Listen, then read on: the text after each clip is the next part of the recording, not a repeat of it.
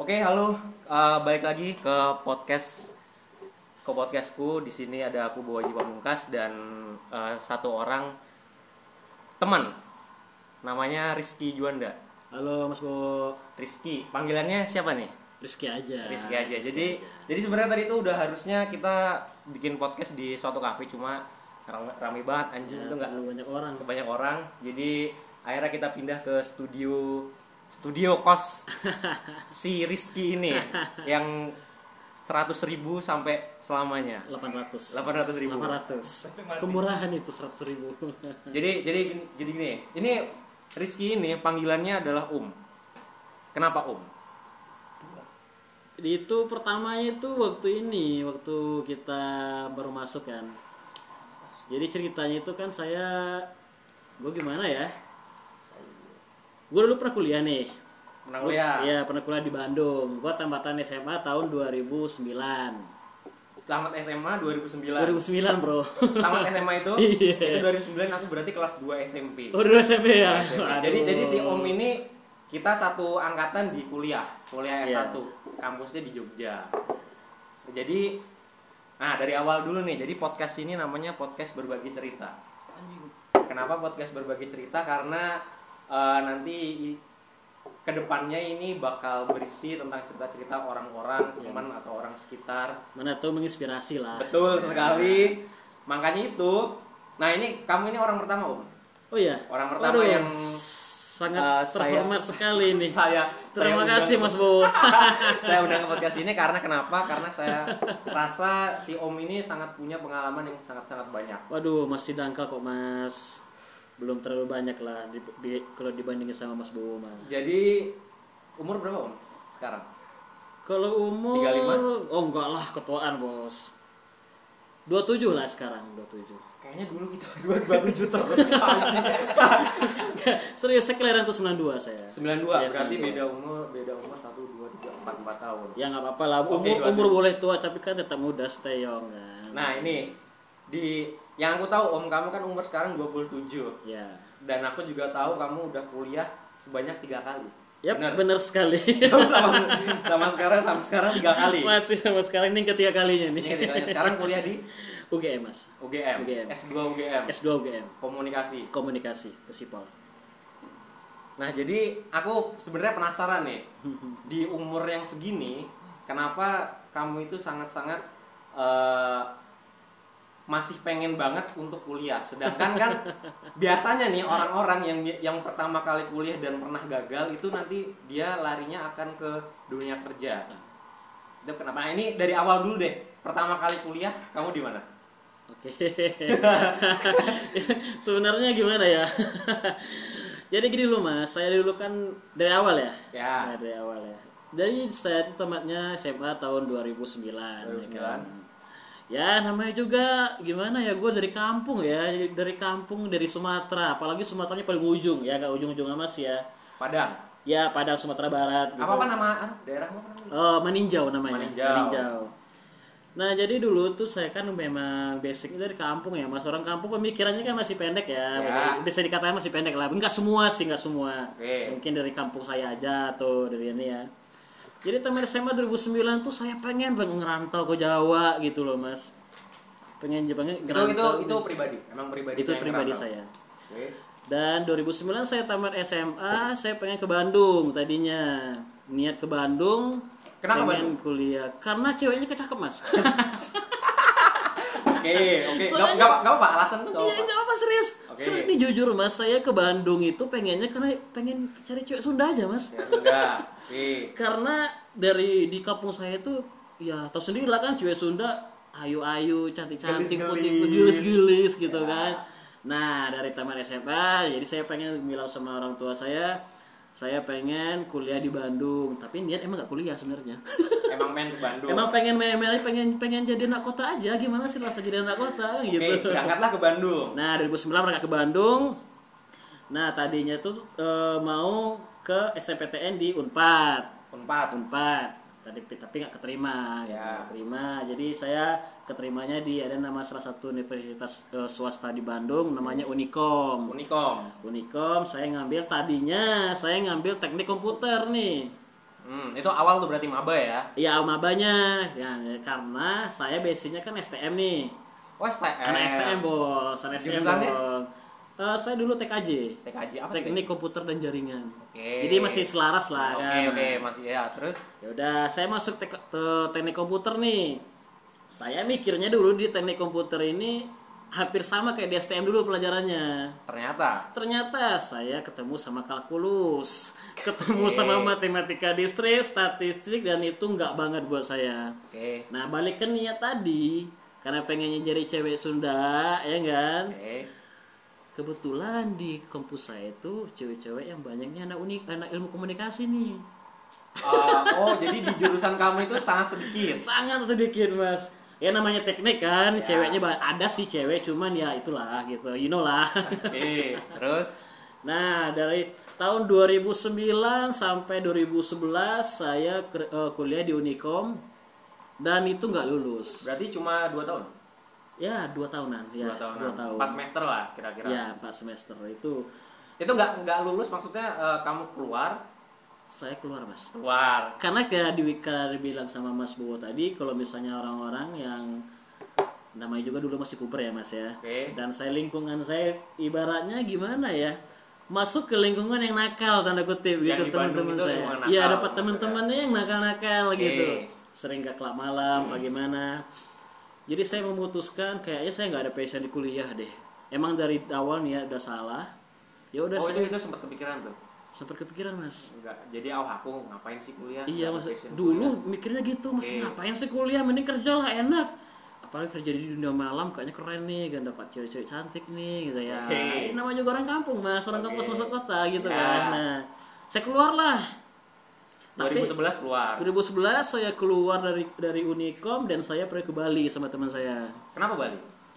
Karena di sana bebas mas. Karena memang dari awal tadi pandangannya eh, klub malam. ya, wanita-wanita, makanya eh, pilihan yang pertama itu ke Bali. Nah, pilih ke Bali. Langsung berangkat ke Bali nggak pulang ke Padang dulu? Enggak mas, itu pun saya ke Bali orang tua saya nggak tahu mas. Sumpah. Sumpah serius? Nggak tahu orang tua saya. Jadi tahu nggak tahunya itu kamu udah keluar atau Masih belum keluar? tahunya saya itu 2011 tuh orang Masih tua saya mahasiswa. masih mahasiswa. Oke. Nah setelah setahun bekerja di Bali, barulah orang tua saya tahu dan itu pun udah curiga. Ada kok kenapa anak saya kok nggak minta uang kuliah? Saya mikirnya gitu gitu loh. Nah itu, nah dari awal dulu nih ke Bali. Nah lalu apa yang pertama kamu lakukan di Bali?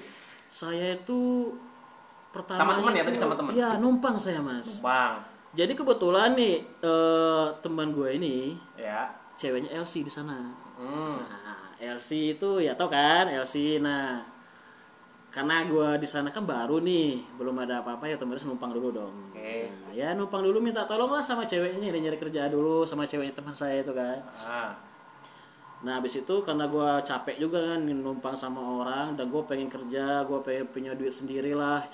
Males juga minta sama orang tua terus gitu kan. Ya dapatlah gua kerja di salah satu klub malam yang ya bisa dibilang terkenal lah di, di Bali. Bali. Di Jogja pun terkenal gitu. Oh dan banyak ya di setiap kota. Iya, enggak dia sekolah cuma dua mas. Sembilan apa? Dia cuma dua doang. Oh cuma dua Ada doang. di Bali sama di Jogja. Oh cuma dua. Ya sebut aja lah namanya Bose gitu kan. Iya. Dari awal aja pak. Oke. Oh emang cuma dua bosek baru tahu asli. Jakarta ada dua. ada. Malahan Bose itu ini mas di Jogja itu kantor pusatnya malahan. Oh gitu. Di Bali itu udah udah cabangnya gitu. Eh baru tahu aja. Ya. Nah. Oke terus. Jadi masuklah ke Bali. Masihlah ke Bali itu selama dari 2011 sampai 2014 di sana. Tiga tahun. Tiga eh, Sebagai ya. ya sebagai apa di Busik? sebagai ini mas ngeracunin orang lah kata Ngeracunin kata orang. orang-orang ini ngeracunin orang gitu Dan- mabukin mabukin orang gitu Oke, bartender ah, bartender, Oke. Iya. Nah itu berarti kan eh, murni ya udah nggak minta uang sang ke orang tua Oh, enggak, dan dapat uang dari bartender itu. Enggak, karena Apa- emang- apakah cukup uang dari wah bartender itu lebih dari cukup mas Lebih dari cukup. lebih dari cukup mungkin kalau misalnya gue bilang ya gaji gue tuh cuman buat apa ya buat bar kosan aja sih mas Wah, oke. tapi ceperannya banyak mas kalau gaji nggak begitu besar cuma Berapa? dari tips-tipsnya ah Kira-kira berapa gaji? Kalau gaji sampai- gue tuh dua mas, Dua. dua juta dua ratus. Kalau untuk Bali ya dua juta dua ratus tuh kurang mas sebenarnya. Oh, kurang emang. Kurang itu. Ya tahu sendirilah Bali kita ya ya tau lah kan Bali Oh, berarti, gimana berarti sih mahal gitu. di gengsinya. mahal di gengsi Oke. dan mahal di lifestyle aja Mahal di lifestyle. karena dulu kebetulan gue kan kerjanya kan di dunia entertain Oke. jadi gue harus gimana sih berpenampilan grooming yang bagus lah Oke. kalau gue nggak bagus gue gue nggak dapat tip dari tamu mas Oke. Berarti tiga berapa? Tiga tahun tadi ya? tiga tahun di sana Tiga tahun di Bali. Wah itu udah anjing lama banget tuh. lama bos Oh, balik siapa itu? Si Algi. Wifi. Si anjing wifi. Nah itu dia mas tadi. Nah dari Bali karena gimana ya? Karena gue udah merasa capek sih di sana kerja. Maksudnya begini, gue dulu pernah berpikiran, oke sekarang gue masih muda, gue masih dibutuhin sama orang nih, dan perusahaan oh apa ya? Ya membutuhkan yang masih muda-muda kan karyawannya Ya. gitu loh kan. Tapi gue sempat berpikiran gimana gimana kalau misalnya nanti gue umur 30 dan gue ditendang dari perusahaan ini, gue mau jadi apa gitu. Oke, dengan pengalaman pun yang cuma sebagai bartender itu. Iya, dulu gue cuma sebagai bartender dan lu tahu sendiri di sini juga dunia alkohol dengan tanda kutip itu Iya. stereotipnya gimana gitu loh kan. iya. Jadi peluang itu gue mikirnya kalau gue apakah gue harus sama kerja sama orang terus nih gue bilang gitu kan. Dan gue lihat emang sih sebenarnya pengen sukses pun gak harus punya S1 Oke. cuman karena orang tua gua dua-duanya basicnya eh, guru mas Sama pendidikan. gitu. pendidikannya emang diutamain gue dididik dulu dari pendidikan dididik dari pendidikan nah gua berpikir dari sana tuh Oke.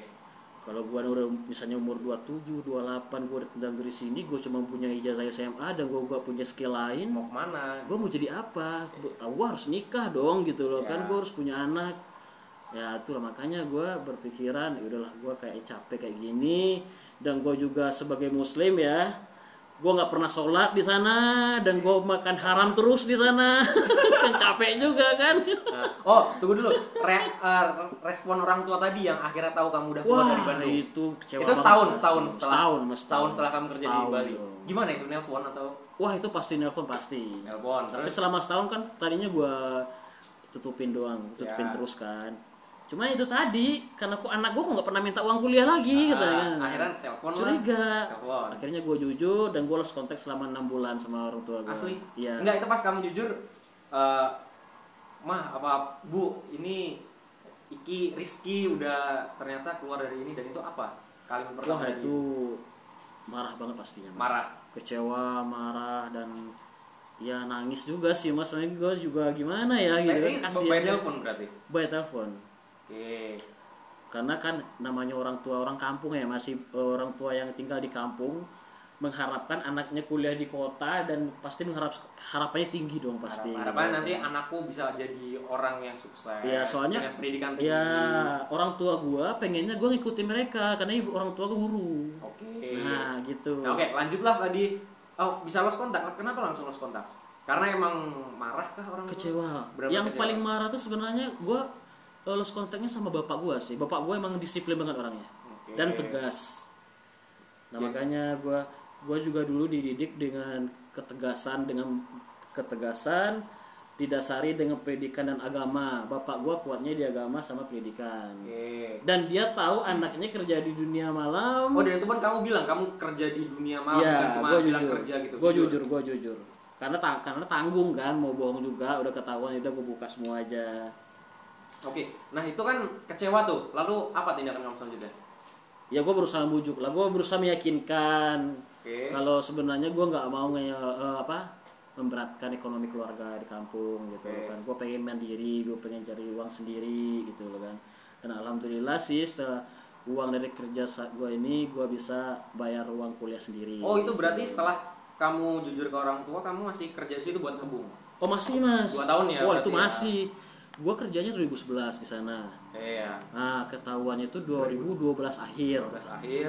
Nah terus itu tuh sempat berpikir buat pengen kuliah lagi nih. Oke. tapi gue nggak mungkin minta sama orang tua gue karena, Karena udah kecewa Kecewa dan mungkin kepercayaan nggak akan udah percaya lagi nggak akan kamu. percaya lagi 100% Oke. Akhirnya nabung lah dari situ. lalu gue wah gue bilang nih kalau gue misalnya keluar sekarang gue ketabung gue belum cukup ya udah deh gue lanjut kerja dulu deh gitu. Oke. nah ada selama 2013 itu selama enam bulan gue gak kontekan sama bapak gue tapi gue masih kontekan sama bokap gue Oh, gue yakinin.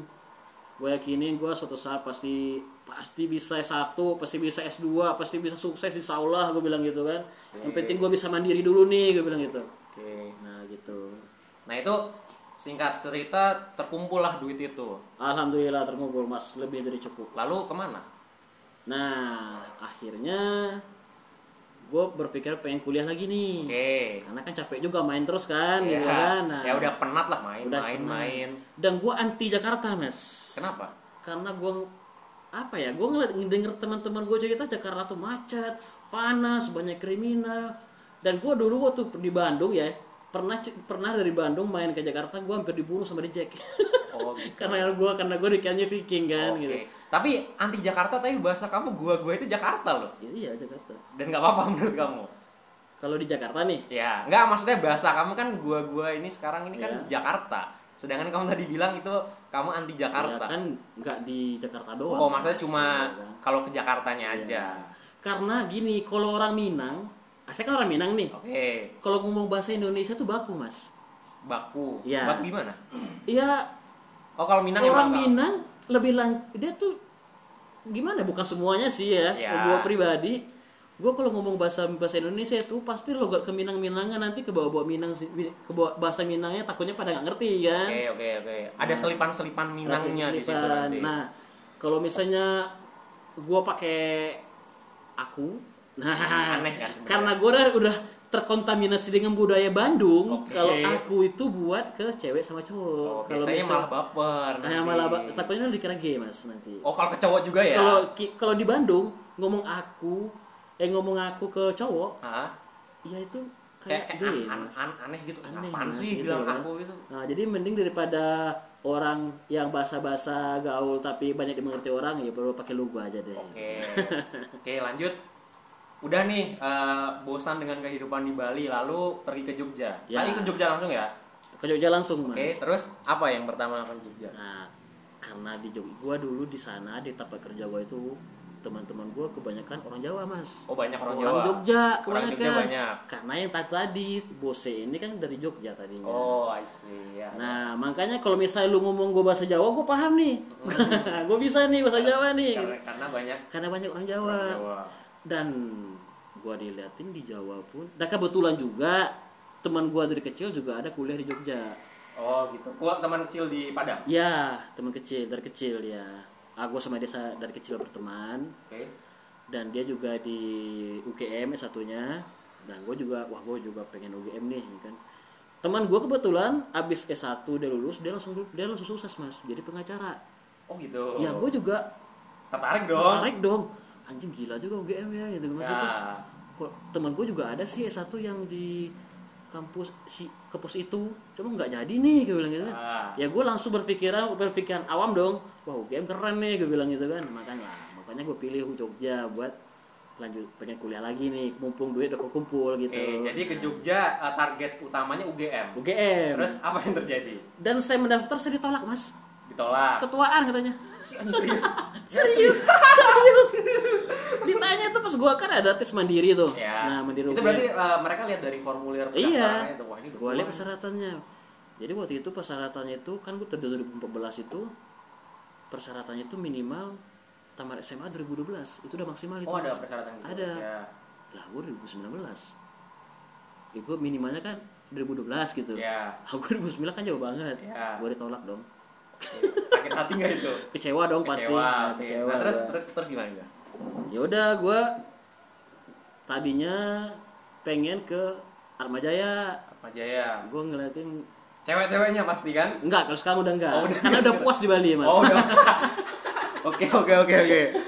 ini gue ke Jogja emang pengen buat serius buat berubah diri aja buat berubah Oke, berubah oke, hidup Oke, oke. Terus dan ya itu tadi karena gue udah dipondasi sama nilai-nilai agama Hmm. jadi gue mungkin karena gue capek bermaksiat di Bali ya nah gue pengen merubah bukan jadi alim gitu loh jadi juga jadi pengen mengenal agama gue Seenggaknya ada pengetahuan ada yang pengetahuan sedikit-sedikit tentang kamu agama. dapat. iya gue di Bali selama di Bali gue nggak pernah sholat Jumat Asli. serius gue nggak pernah sholat Jumat dan Wow. gue jarang sholat ya jarang sholat lima waktu Dan ah, itu menurut kamu itu gara-gara kamu pribadi atau lingkungan sekitar? yang pertama lingkungan Lingkungan pasti. pertama gue dulu di Bali itu gue tinggal di komunitas orang korban-korban bom Bali Oh iya ada itu. ada Patasari Patasari namanya Ah. Nah di sana itu mayoritasnya ada sih orang Islamnya juga ada, cuman nggak apa ya? Ya teman-teman gue juga gitu juga sih mas. Hmm. Ya paham paham Paham, kan? paham, paham, paham. kan? Karena gue juga kerja di dunia malam juga kan gitu loh kan. Nah jadi gue niatnya ke Jog- ke, Jogja mau kuliah pengen nih ah, eh, imbang lah nilai agama sama nilai umum gitu. Oke. Tadi akhirnya UGM udah lewat, lalu Atma Jaya. Nah ini kenapa Atma Jaya? Ah dia aja nggak jadi. Nggak jadi. Karena temen gue muslim lo swasta di UMY aja, kalau nggak di UII katanya. Oke. Tapi di UII mending lu hukum bagusnya katanya Ya. kan. Tapi gue nggak tertarik hukum. Oke, terus langsung pilihan jatuh ke UMY. UMJ karena salah satu pertimbangan tadi ingin memperbaiki. iya memper- memperbaiki diri aja Diri. sih mas sebenarnya Oke, kan. Daftarlah ke UMJ. Iya. Daftar di UMY tadinya gue ngambil HI nih. HI, pilihan pertama. Yang pertama pilihan pertama gue ambil HI. Pilihan kedua gue ngambil ilmu komunikasi. Oke. Tapi gue ngarep banget gue ngambil HI. Cuman gue nggak nggak keterima. Mungkin gue takdirnya mau udah di komunikasi kali ya. Ken- Kenapa awalnya kok HI? Karena, Karena, kan gua- basic kamu tadi STM. karena gimana ya? Gue pengen keluar negeri mas gue. Oh. Serius? Ya, ya, ya. Gue gue mikirnya kalau pengen keluar negeri kalau nggak kaya, kalau nggak berprestasi, Berpendidikan juga. berpendidikan juga. Dan kalau misalnya gue kaya, gue nggak kaya mas. Nah, Dan gue gak bisa li- liburan ke luar negeri. Gue Oke. mikirnya di- kayak gitu, kayak gitu tadi. awalnya ya. Awalnya kayak gitu. Oke, terus eh, HI nggak lolos, lalu komunikasi pun jadi. Ah, ambil komunikasi. Ya, akhirnya tadinya nggak tertarik sih di komunikasi, cuma kan pada nggak kuliah. Benar. Yang itu tadi kan gue mikirnya ke depannya gimana nanti kalau gue udah di umur 30, gue nggak kerja lagi. Dan ini pun waktu sudah mepet ya 2014 umurnya Iya, udah nah. 24. Kebetulan Udah pas lima. gue masuk di U, di keterima di UGE di UMY, gue ternyata gue paling tua sendiri. Dan kita sekelas. itu waktu itu kenapa gue panggil om itu ini ada story-nya nih ya. ada storynya Iya, bro iya. waktu itu gua kita lagi ini eh apa namanya mat, makra, Ma- eh, mat- mataf, mataf, mataf, mataf ya. universitas Jadi belum tahu mataf itu masa ta'aruf. Kalau Iya. di uh, universitas negeri itu osi eh Ospek. osi sih ospek, ospek nah gitu. gitu. Oke, jadi pas jadi berarti pas mataf gue sekelompok sama cewek namanya Denina Denina. Denina namanya Siapa itu nggak tahu nih? ada di dia tuh anak HI dia Dia oh anak Anak HI. HI. Oh iya, iya. oh mataf fakultas. Mataf fak- oh, ya mataf fakultas waktu itu Hmm, oke, terus? dia tuh keceplosan sih gimana? om geser dikit om katanya Oh dia berarti udah tahu kalau kamu Iya, tua. ternyata sebelumnya tuh dia udah ngeliatin gua Oh. makan waktu itu kan dia ngomong om itu ternyata lama-lama kita deket Oke. dan lama dan dia panggil gua setiap ketemu gua om om om om om ya udah nempel sampai sampai gua tamat namanya gua om Dan sampai sekarang juga. nah pas gua udah deket sama Denina gua tanya lu kenapa sih manggil gua om iya gua liatin muka lu kayaknya udah tua banget katanya Ya, dan itu pun kebawa sampai ya akhirnya biasa aja lah ya kalau ya tapi ada om sekarang. untungnya bro Apa tuh untungnya? dengan nama om kan cuma gua doang nih jadi gua banyak dikenal orang juga Oke, maksudnya Ah. om om om nih yang Om yang mana? yang Om mana nih, yang yang mana yang nih? tua itu. Tapi ada satu satu eh, apa namanya waktu aku ngeliat kamu pertama kali ya itu ada satu apa sih istilahnya kesan ada satu kesan yang pertama aku lihat kamu Apa tuh? Kamu orangnya sangat supel Serius lu? serius ya asli asli asli supel dan gampang apa ya maksudnya gampang banyak temen Ya, gue prinsipnya gini aja sih bro. Karena apa ya? Gue nggak gila hormat. Oke. Gua- gua prinsipnya gua- walaupun walaupun itu kamu kuliah dengan orang-orang yang lebih muda Iya. fan fan aja gitu Gue fan aja. Gue nggak masalah. Asal lu lu enjoy, gue enjoy. Tapi tahu batas dong. Ya. Gue Ya. gitu aja sih gitu. Gue nggak masalah lu umur lu kelahiran tahun 2020, eh 2012, 2011. Kayak lu panggil gue nama pun. nama pun gue nggak masalah asal sopan aja. Oke. tapi dalam maksud sopan tuh nggak nggak kurang ajar lah gitu kan. Nah ya ya pada batasnya lah. Ya ada batasnya lah. Jadi gue gue nggak nggak gila hormat bro. Nah, Oke, nah itu kan berarti udah nih kuliah di Jogja, terus bilang ke orang tua dong. oh iya dong. Gimana gimana? Waktu bilang. ya gue pengen ngebuktiin ke orang tua gue Oke, terus bilang nih, iya. Telepon. telepon sama gue pas gue mau daftar ke U ke gue gue bilang nih waktu di Bali bu alhamdulillah ini udah kumpul. Ya. gue pengen ah, aku pengen kuliah lagi gue bilang gitu kan. Enggak ya kalau lu kuliah kuliah aja katanya tapi aku udah nggak mau lagi buat bayarin kamu. Enggak enggak aku ada duit kok bilang. Serius bilang gitu? iya bilang gitu. Itu ibu. ibu gue Ah, karena ya namanya orang tua udah kecewa. Benar benar ya benar. kan? Dan kepercayaan tuh susah dibalikin bro. Benar. nah gue pengen ngebalikin itu apalagi kamu anaknya Nah, kan. gue anaknya bro. Nah makanya itu gue pengen ngebuktiin dan orang tua mulai tadinya emang dia ya udah lu kalau misalnya ada duit udah kuliah aja sana mungkin masih ada rasa kecewaan Oke. Masih agak-agak marah dikit. tapi lama kelamaan eskalasi emosinya jadi berkurang jadi dia udah mulai lagi udah mulai percaya lagi sama gue karena gue 2 m 3 semester gue gak minta nih Oh, awal pas di WMB iya itu. gue gak minta dan dia bertanya serius nak lu udah punya duit iya ini udah tiga semester serius mana IPK gue liatin alhamdulillah IPK gue tiga waktu itu kan Oh, waktu pas awal-awal nah, itu ya. orang tua gue percaya lagi Akhirnya pun mendapat suntikan Nah, dana tapi lagi. gue nggak terima Oh, serius? gue nggak terima Kenapa? gue terima duitnya Kenapa? Karena nggak enak. karena gue pengen ngebuktiin tadi Oh, ah. karena gue juga punya masih punya tabungan kan waktu dikerja di Bali gitu anjing keren sih. Nah, itu nggak bener nggak? Maksudnya nggak minta sampai kapan? itu sampai tamat bro Serius? serius paling gue mintanya tuh karena gue bu kangen nih nge- pengen ngerasain duit tanya kan Ah. ah pengen gitu doang gitu paling seratus ribu dua ratus ribu gitu Oh, dan dan nggak full gitu maksudnya? Enggak, enggak full. Kalau misalnya gue pengen minta dikasih sebenarnya. Iya, Cuma gue itu tadi niat gue pengen ngebuktiin kalau gue bisa dan gue pengen ngebalikin kepercayaan orang tua gue lagi gitu. Jai, oke. Serius bro. Karena gue selama 4 tahun kerja itu bener-bener gue ngirit banget waktu itu di Bali serius. Sampai-sampai gue bahkan babi. Karena itu yang paling murah. Serius babi paling murah? Murah bro dibandingin Bukannya sapi. mahal? Dibandingin sapi. Oh, dibandingin sapi lebih murah. Di sana kan dewanya kan gitu. Oh, oh iya benar benar benar. Iya. benar. Jadi gue pengen ngebuktiin. Ya anjing, sumpah ini ini aku ya kenal sama Om ini baru tahu loh ini anjing. Maksudnya kamu di selama di UIM ini enggak? Ya enggak lah, ngapain gue cerita bro. Iya bener sih. Nanti malah dikirain sombong lah bagaimana kan. Asik gokil. Wah, oke oke terus. Nah, tapi kan selama uh, kuliah di UMY ini itu kamu nyari nyari uang lagi nggak? Nyari uang sendiri nggak? Maksudnya Ya. apakah apakah murni dari uang tabungan dari Bali itu bisa sampai Ya. kamu tamat? Jadi gini, gue mikirnya waktu itu, gue kerja di Bali, duit di Bali buat kuliah doang nih. Oke. Makanya gue alhamdulillahnya dapat kos-kosan, ini bukan kos-kosan sih, asrama yang murah, Berapa murahnya itu? 800 ribu. Seumur hidup. Gokil, gokil. Nah ini dan ini kita record di asrama seumur hidup ini ya, si Alji. Oke, nah terus jadi dari pertimbangan eh, tempat tinggal pun sudah terpenuhi ya, maksudnya yang tidak memberatkan biaya. Nah, Terus kan pasti banyak butuh dana-dana lagi. nah itu jadi du, 2014 gue kerja, gue berpikiran nih, Kerja di mana? Gue berpikiran Oh berpikiran. gue butuh gue juga gue harus kerja lagi nih buat jajan gue buat beli baju buat Oke. buat pacaran Ya, gitu ya, kan keperluan keperluan pribadi Ya. gue kerjalah di Bali di, Jogja cari kerja kebetulan teman gue dulu yang sama bareng kerja di Bali Hmm, dia udah kerja di sini Oke. di tap house, Di tap house. yang di ini yang di Jalan eh Sarkem itu Sarkem ya, ya. Nah, gue ajakin bro, gue tanya bro ada kerjaan nggak sana bro? Ada sini aja kerja. Nah kerjalah gue di sana. Oke. Tapi eh, ngelanjutin ya bartender lagi. Bartender gitu. lagi. Ya, dan itu ada untungnya juga pengalaman Ya bartender itu banyak. juga kan. Makanya tadi gue bilang gue nggak butuh hormat sama orang lain. Gue gue pe, pengen menjalin relasi sebanyak banyaknya. Dan intinya itu bro. Oke.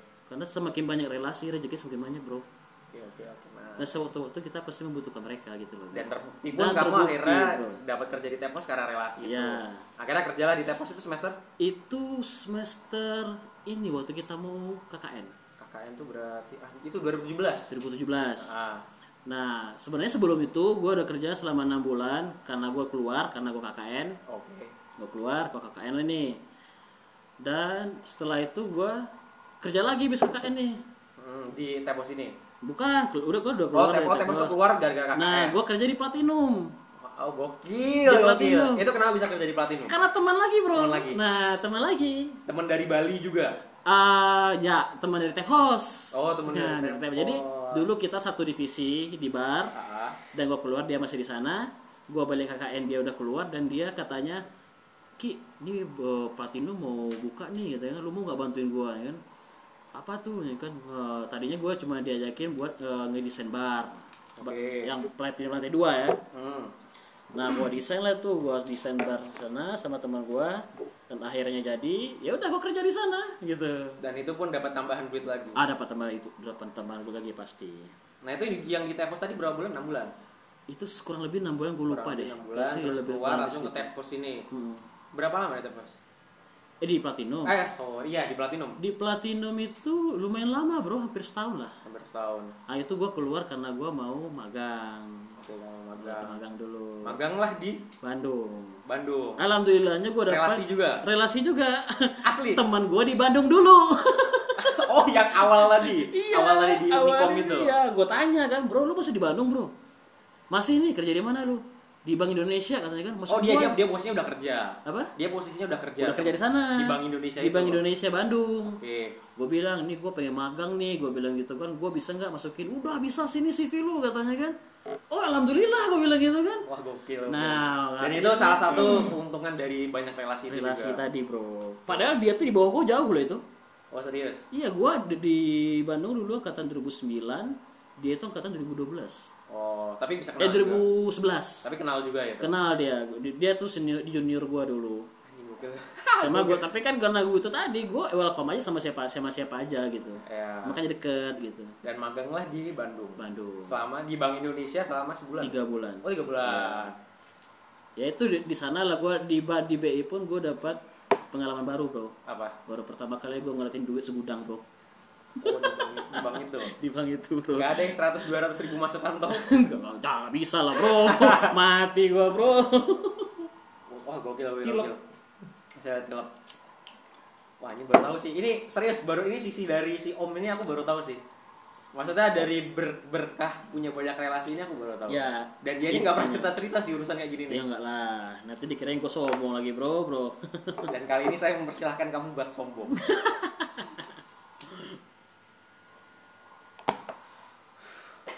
Tiga bulan di Bandung langsung balik lagi ke Jogja.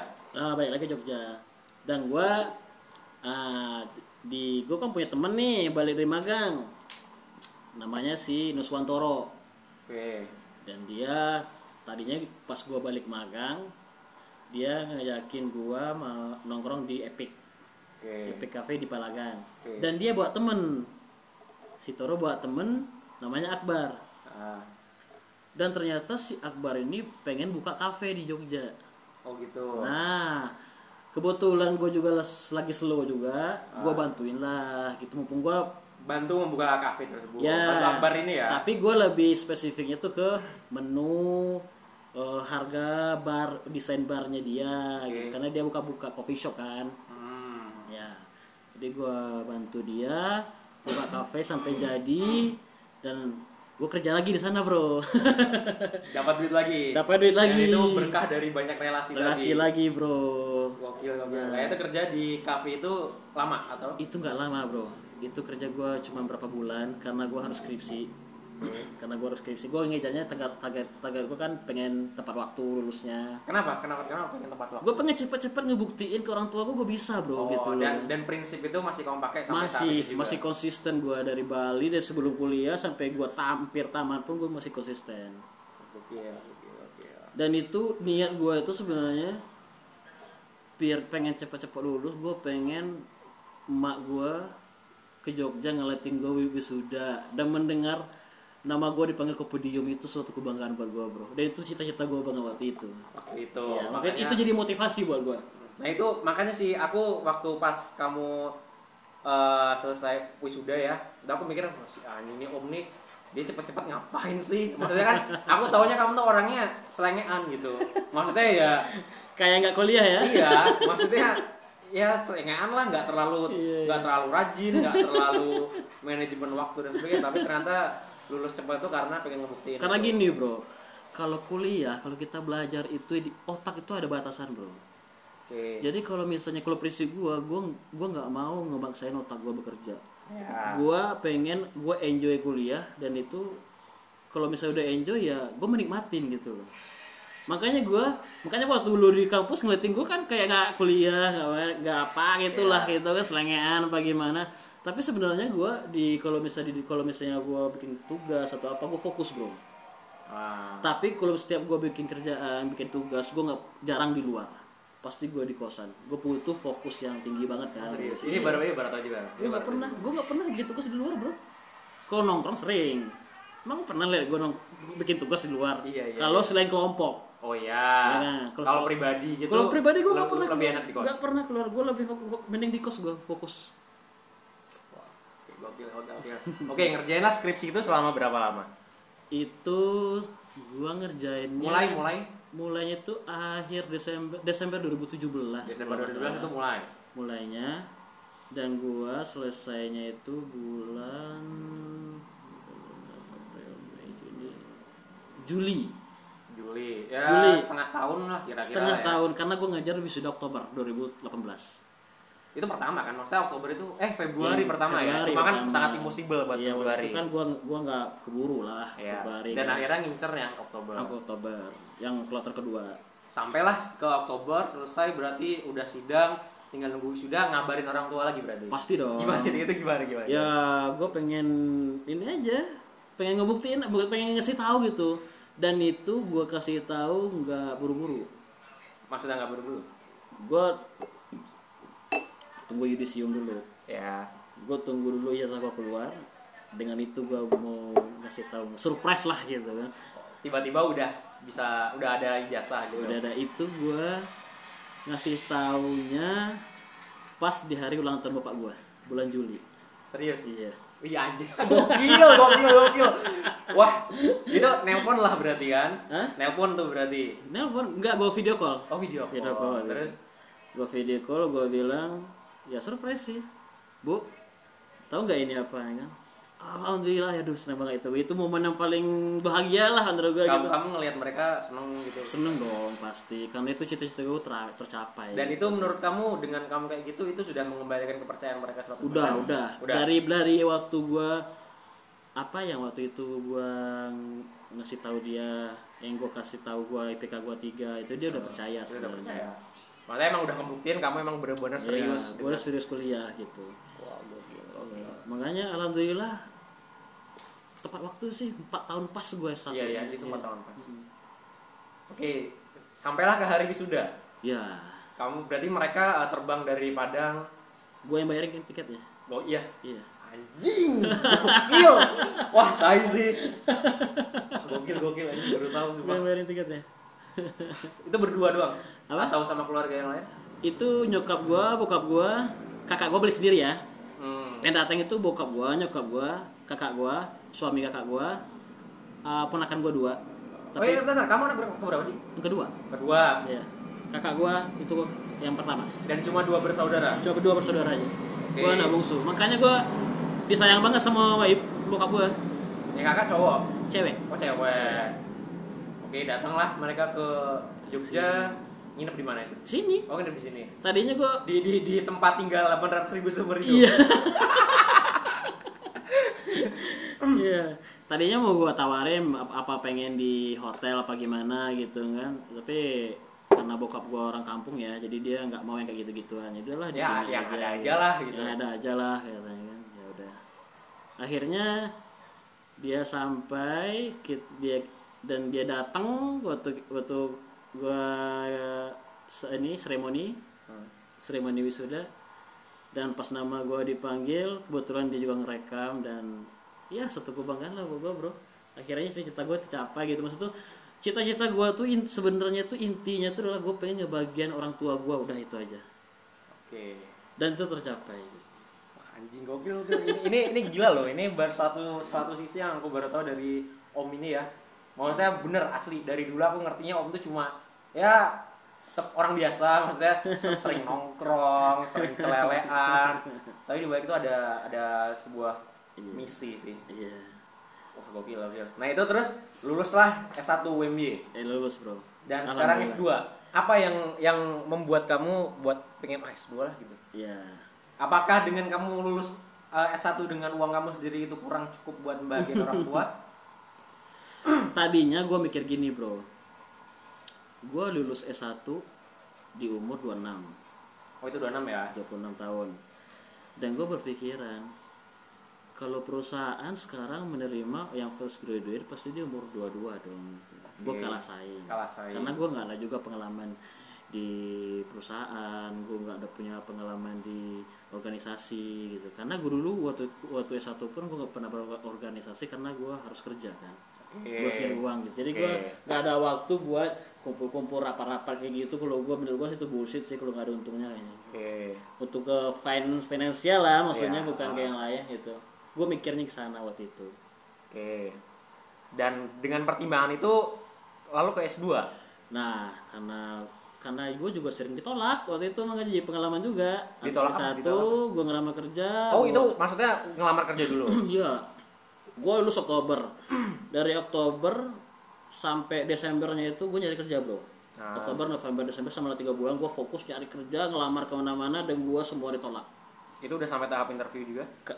Belum Belum. Dan karena persyaratannya itu maksimal 27 Oh. tapi kan itu maksimal bro Ya, ya, yang ya. yang ngedaftar Dan- tuh umur 22 dan yang pasti yang 23. dicari yang paling muda iya juga. dong yang fresh fresh dong gitu loh Oke, guys. dan faktor itu pun menghambat kamu lagi. ya terus gue berpikiran kalau gue segini kayaknya gue nggak dapat kerja tapi kalau misalnya gue dan gue juga pengen dong gue lebih dari S1 ilmunya Oke. Makanya ah ini gue harus nambah ilmu lagi nih dan cita-cita gue tadi belum tercapai satu lagi Apa tuh? kuliah di UGM Oh iya yang awal mula tadi. awalnya kan ditolak kan? tadi. iya gue tolak Oke.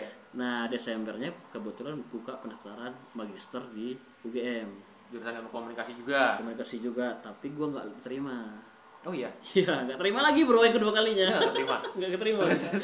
Karena gue dulu waktu itu, eh, waktu waktu gue daftar pertama itu gue eh, kurang nilai se- eh, asep, asep itu TOEFL. Ah. Jadi jadi TOEFL eh, asep itu TOEFL-nya versi UGM Hmm. sama psikologi. Dari psikologi gue nggak lulus. Itu penutupannya eh, penutupan pendaftarannya Desember Desember akhir dan gue akhir November berfokus jadi gue mepet nggak sempat belajar. Jadi gue gak keterima. Oke. UGM. Nah, Terus ngapain tuh? itu gue nyari kerja. Nyari kerja ya, lagi. namanya juga pengangguran Sampai? gimana. Sampai gue lihat lagi nih kapan buka lagi nih. Oh tetap masih dengan eh, target UGM masih. Gue orangnya gimana ya? Gue orangnya konsisten bro.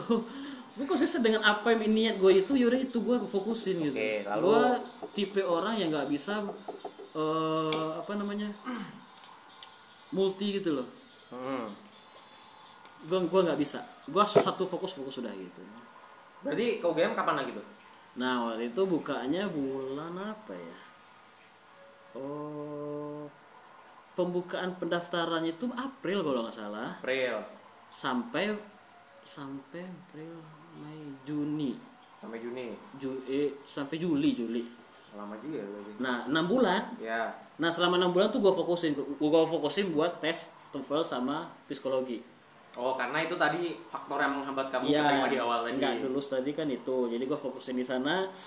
Gue sempat les juga di Jakal, les bahasa Inggris sama les psi- eh, psikologi. Oh iya. Iya. Sempat les di sana juga. Dan akhirnya tes lulus bro. Lulus. Akhirnya keterima juga. Oh, itu bulan Juli berarti ya. itu bulan Juli ya, bulan Juli. Dan sampai sekarang ini. Berarti udah setahun kan? Sampai sekarang belum lah, baru berapa bulan? Baru ini ntar gue minggu depan, eh, bulan depan udah mau uas, baru mau uas semester satu. Oh, oh iya ding astaga, astaga. Oh iya ding, nggak ding, nggak ding. Iya. Ya itu, jadi gue Dan, nah. dan gua- sekarang masih menjalani S2 ya? Masih, masih, masih. Masih S2 sekarang, masih menjalani sibuknya S2 ternyata lebih susah dari S1. teori-teori. Kebanyakan teori sih. Anjing gokil sih. Ini satu sisi yang aku belum tahu sih.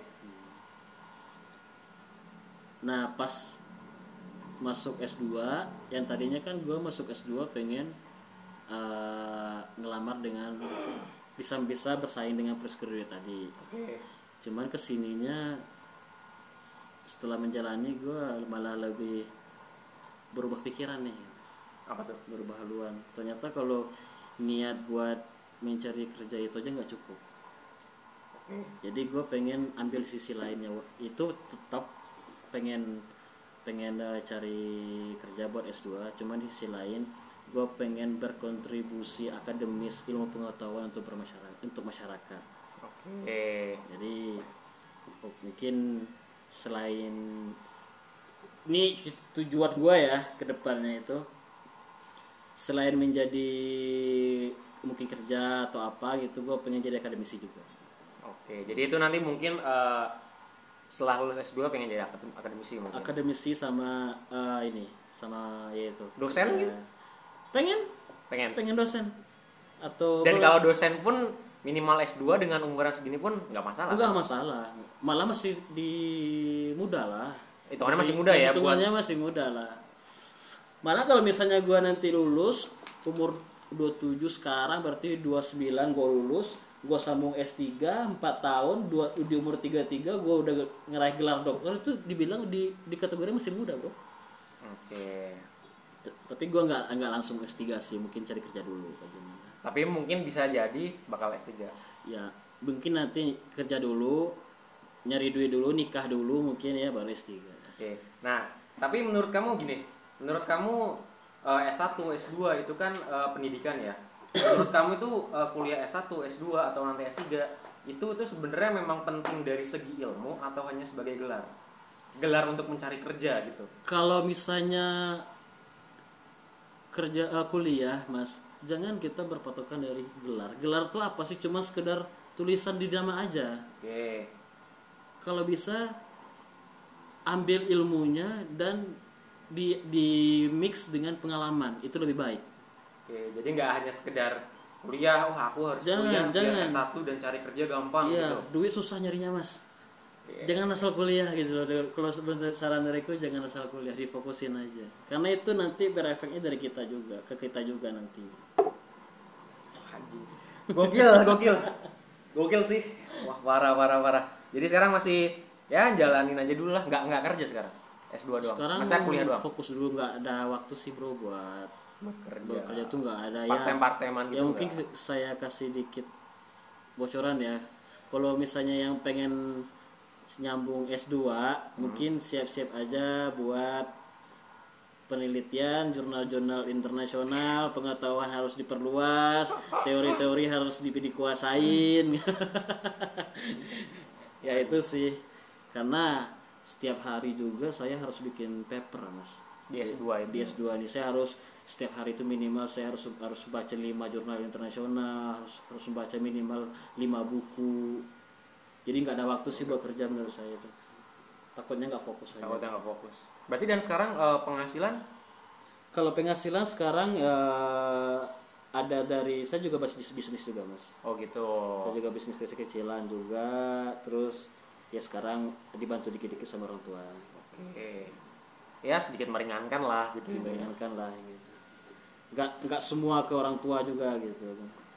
Karena juga orang tua juga menyarankan juga waktu itu. Nggak mau ke S2